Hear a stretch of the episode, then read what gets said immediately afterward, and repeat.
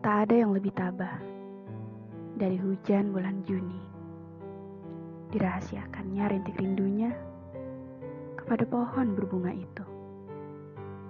Tak ada yang lebih bijak dari hujan bulan Juni.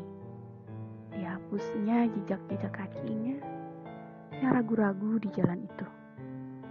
Tak ada yang lebih arif dari hujan bulan Juni.